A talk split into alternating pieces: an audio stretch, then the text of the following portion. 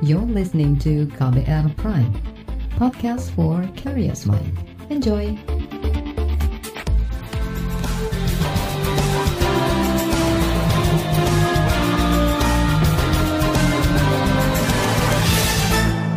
Halo, selamat sore saudara. Apa kabar Anda sore hari ini? Senang sekali saya Reski Mesanto kembali hadir di KBR Sore.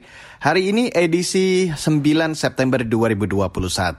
Sore hari ini saya kembali jadi teman Anda selama kurang lebih 30 menit ke depan. Dan sore ini saya juga mau ajak Anda untuk membahas mengenai peristiwa terbakarnya lembaga pemasyarakatan atau lapas kelas 1 Tangerang, Banten pada Rabu dini hari kemarin. Hingga siang tadi korban tewas akibat insiden itu mencapai 44 orang. Pemerintah berdalih kelebihan kapasitas menjadi masalah dalam pengelolaan lapas. Tapi siapa bertanggung jawab atas peristiwa yang menimbulkan puluhan korban jiwa itu? Apa bentuk tanggung jawab yang pantas dan tepat?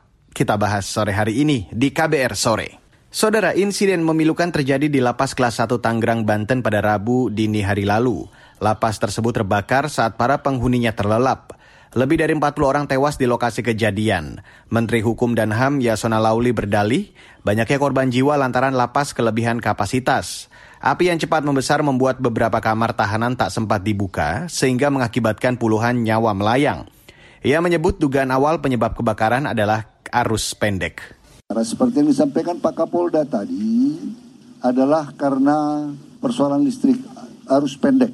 Namun demikian, sekarang Puslap Porvoli Dirkrimum Polda Metro Jaya sedang meneliti sebab musabab dari kebakaran tersebut. Karena kita tidak mau berspekulasi, tapi yang sementara yang kita lihat masih sangat kasat mata, yaitu uh, dugaannya adalah karena arus pendek. Nah, lapas Tangerang ini oper kapasitas 400 persen. Penghuni ada 2072 orang. Nah, yang terbakar ini adalah blok C2. Jadi itu model pavilion-pavilion. Di dalam satu blok itu ada beberapa kamar-kamar yang terkunci.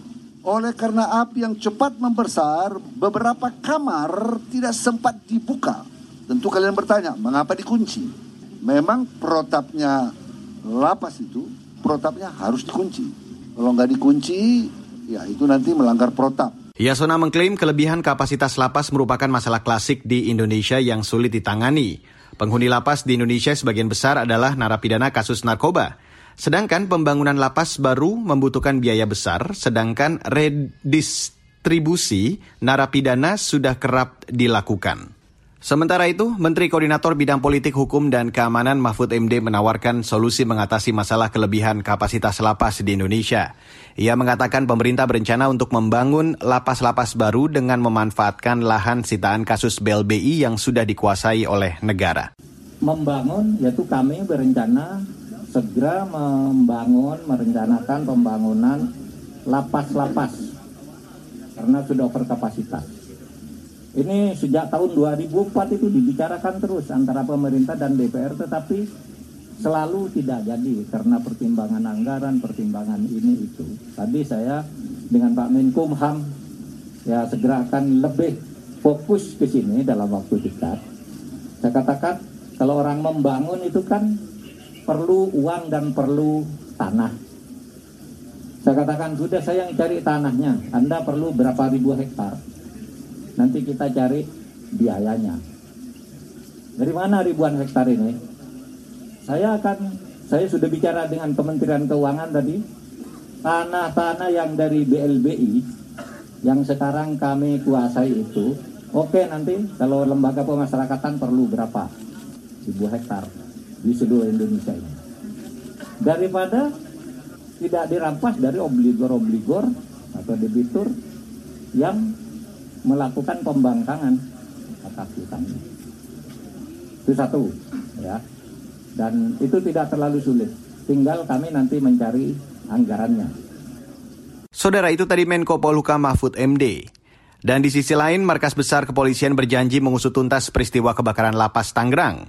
Juru bicara Mabes Polri, Rusdi Artono mengatakan, proses penyelidikan terus berjalan.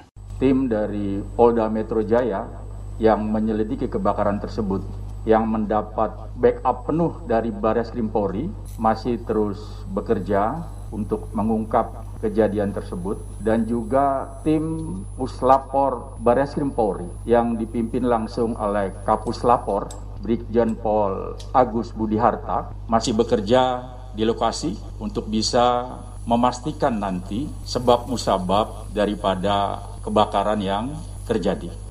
Rusdi menambahkan tim identifikasi dari Polri telah mengumpulkan DNA dari keluarga untuk mengidentifikasi jenazah.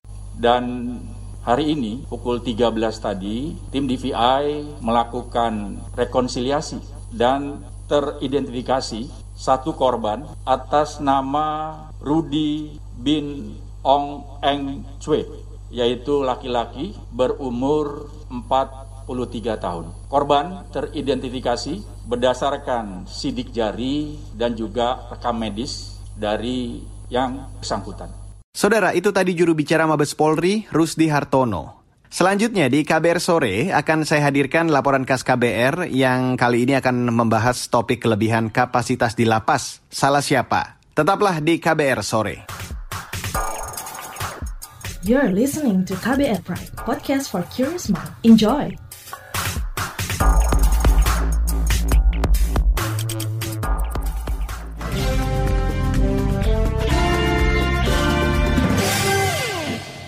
Saudara, puluhan narapidana termasuk dua narapidana berkebangsaan asing tewas saat kebakaran di lapas kelas 1 Tangerang, Banten pada Rabu lalu.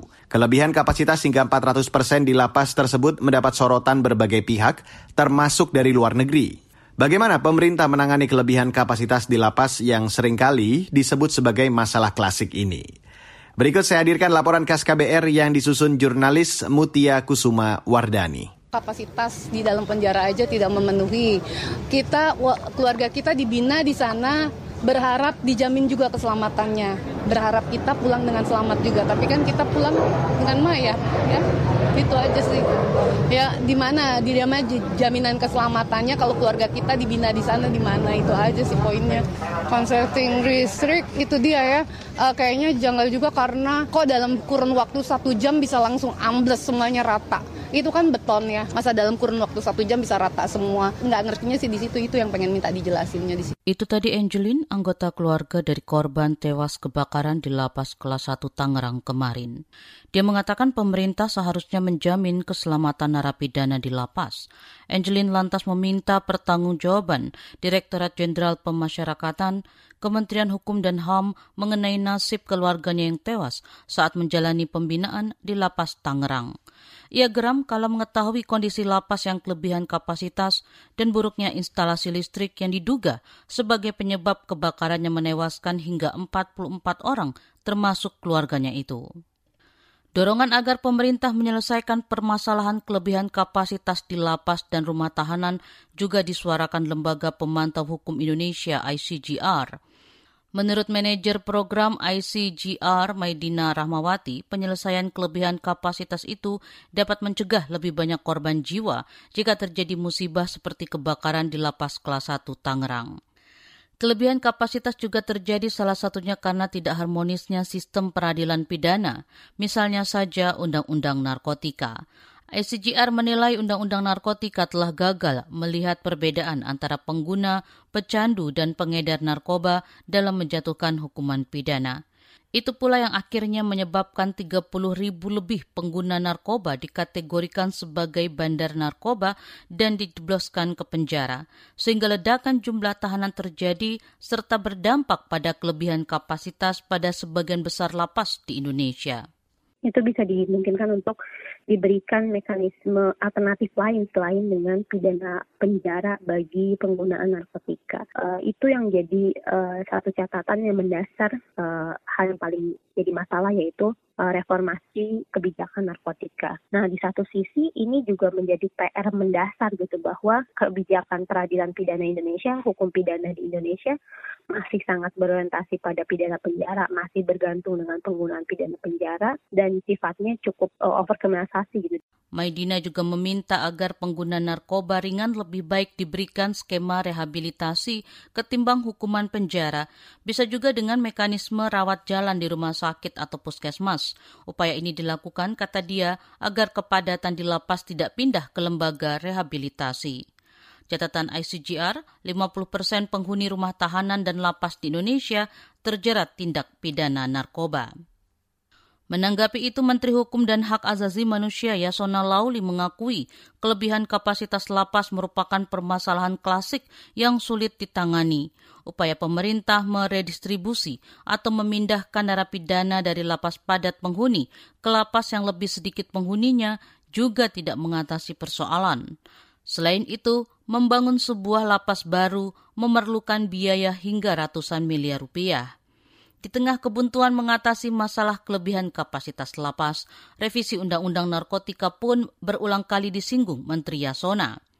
Revisi Undang-Undang Narkotika dianggap bisa mencegah kepadatan lembaga pemasyarakatan dengan memberi sanksi kepada penyalahguna narkotika cukup direhabilitasi, karena jika narapidana masuk semua ke lapas, maka kelebihan kapasitas itu akan kembali terulang.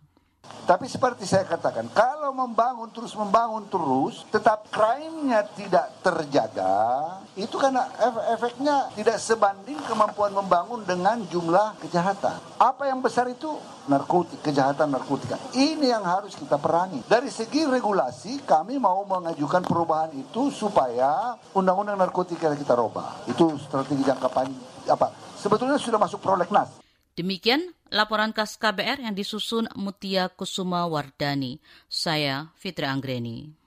Saudara, bagaimana DPR dan Komnas HAM merespon tragedi kebakaran lapas di Tangerang? Informasi selengkapnya sesaat lagi. Tetaplah di KBR sore. You're listening to KBR Pride, podcast for curious mind. Enjoy.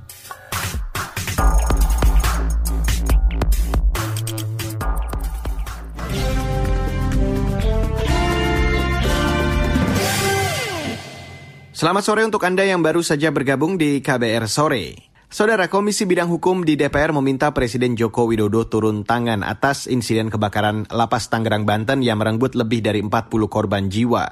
Anggota Komisi Bidang Hukum DPR, Santoso, menilai peristiwa kebakaran di Lapas Kelas 1 Tangerang, Banten menjadi bukti carut-marutnya manajemen lembaga pemasyarakatan di Indonesia dengan kejadian kebakaran ini pihak Kementerian Hukum dan HAM terutama Pak Menteri harus segera menyelesaikan ini. Jika Pak Menteri tidak mampu, saya berharap Pak Jokowi turun tangan, turun langsung. Kenapa? Karena persoalan lapas bukan hanya soal bagaimana membina para napi, tapi juga bagaimana bisa adanya pengamanan yang komprehensif, seperti jangan terjadi kebakaran besar seperti di Tangerang. Ada orang bisa melarikan diri dengan menggali tanah yang dia sudah lakukan berbulan-bulan, tapi tidak diketahui gitu. Ini aneh. Untuk itu harus ada blueprint yang sangat besar dalam memperbaiki ini. Saudara itu tadi anggota DPR dari Komisi Bidang Hukum Santoso.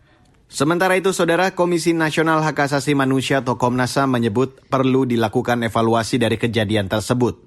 Usai meninjau lokasi kejadian, Komnas HAM memastikan akan memantau dan melakukan investigasi lanjutan dengan memanggil sejumlah pihak, seperti Menteri Hukum dan pejabat di Direktorat Jenderal Pemasyarakatan. Dan untuk membahasnya saya hadirkan wawancara jurnalis KBR Heru Haitami bersama Komisioner Komnas HAM Hairansyah. Apakah akan dilakukan investigasi lanjutan oleh Komnas HAM? Kami yang jelas kan melakukan pemantauan dalam proses hukumnya, kami kan mendorong untuk ada transparansi dan mendorong polisi lebih cepat untuk mengungkap kasusnya. Tentu sekali lagi sebagai mandat dari Undang-Undang 39 kan melakukan pemantauan terhadap sebuah peristiwa yang juga di dalamnya terjadi pelanggaran hak asasi manusia. Nah ini kan hak hidup orang nih yang jelas-jelas mereka sedang dirampas kemerdekaannya dan itu tentu tidak mereka inginkan kan artinya ini negara memutuskan melalui mekanisme pengadilan criminal justice system bahwa mereka bersalah lalu harus menjalani proses pemidanaan dan kemudian dilakukan proses penahanan, pemenjaraan sehingga kebebasan mereka dibatasi bahkan di, diambil, dirampas oleh negara atas putusan pengadilan. Maka otomatis seluruh keselamatan dan kesehatan mereka, walaupun mereka berstatus narapidana, itu menjadi tanggung jawab negara untuk memastikannya. Nah, jadi ketika terjadi sebuah peristiwa yang merenggut nyawa-nyawa mereka, tentu ini harus menjadi tanggung jawab negara. Nah, negara dalam hal ini siapa? Tentu harus dilihat lagi yang bertanggung jawab adalah Kementerian Hukum dan HAM misalkan. Nah ini yang saya kira menjadi catatan kami dari Komnas untuk dilakukan pemantauan lebih intens, terutama apakah nanti perlu memanggil kepolisian kalau sudah dilakukan penyelidikan itu selesai sehingga informasinya bisa kita dapat, apakah perlu memanggil menterinya atau kepala lapasnya atau dirjen lapasnya. Terkait dengan tuntutan tanggung jawab negara, seperti apa tanggung jawab yang bisa dilakukan oleh pemerintah? Mereka kan tentu tidak menginginkan keluarganya ketika dititipkan di lapas itu sebagai pihak menyandang narapidana dan dia tidak menang menyandang pidana mati kan? Artinya dia hanya menyandang pidana dalam waktu tertentu. Yang artinya ada harapan mereka akan kembali ke keluarga ke masyarakat dalam keadaan sehat walafiat. Nah bagaimana pertanggungjawaban ini harus dilakukan? Karena ini adalah sebuah kecelakaan. Nanti akan dilihat apakah dia ada terjadi unsur kelalaian atau tidak maka tentu harus ada yang bertanggung jawab. Dan jangankan itu ya supir truk aja kalau atau supir bus membawa penumpang gitu tiba-tiba terjadi kecelakaan kalau itu kelalaian dari pengemudi kan kemudian dia harus bertanggung jawab terhadap peristiwa itu dengan adanya pidana tertentu misalkan. Nah sekarang pertanyaannya satu sisi adalah soal siapa yang bertanggung jawab dan pertanggung jawabannya nanti pidananya seperti apa. Yang kedua adalah soal para korban ini yang keluarganya ditinggalkan, terutama yang memiliki menjadi tulang punggung tanggung jawab terhadap keluarganya. Saya kira itu harus dipastikan betul apakah ada santunan atau apa gitu terhadap mereka yang ditinggalkan itu. Saudara, itu tadi Komisioner Komnas HAM Hairan Syah. Tapi apa bentuk tanggung jawab yang harusnya diberikan oleh pemerintah atas insiden ini? Informasi selengkapnya akan saya hadirkan sesaat lagi. Tetaplah di KBR sore. You're listening to KBR Pride, podcast for curious mind. Enjoy.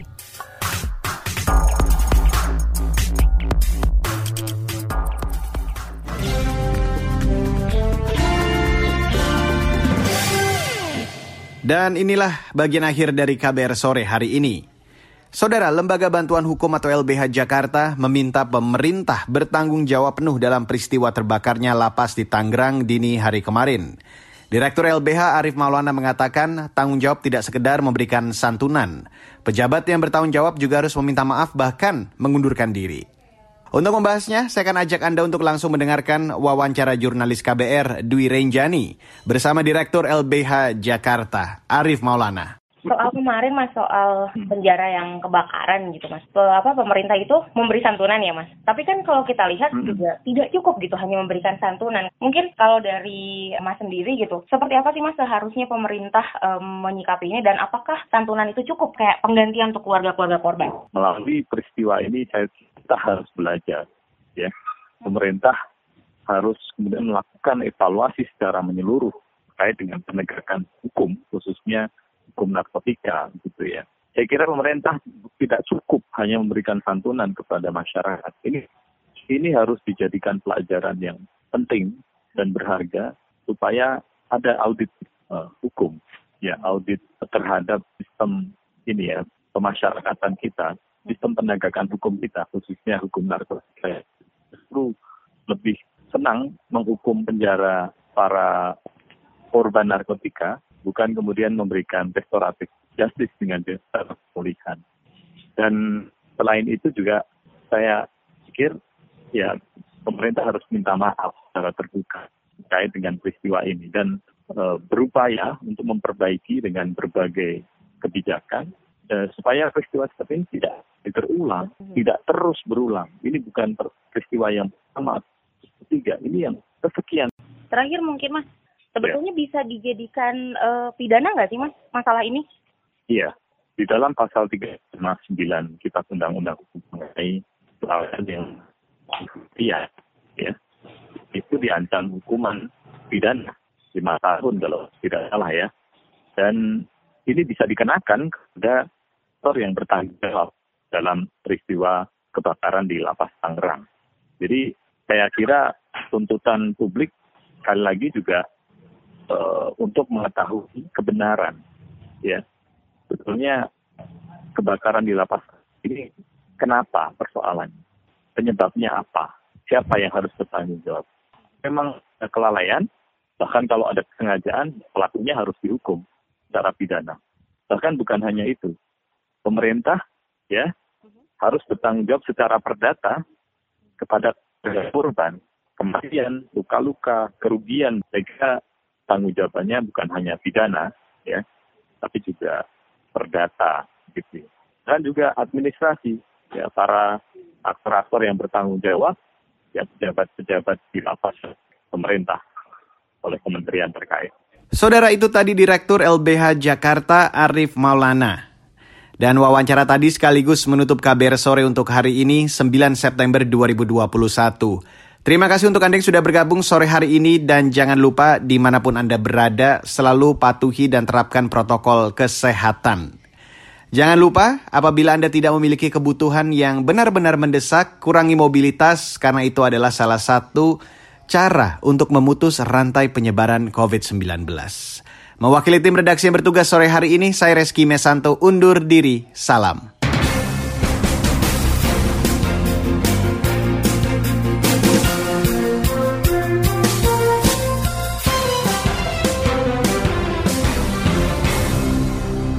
KBR Prime, cara asik mendengar berita. KBR Prime, podcast for curious mind.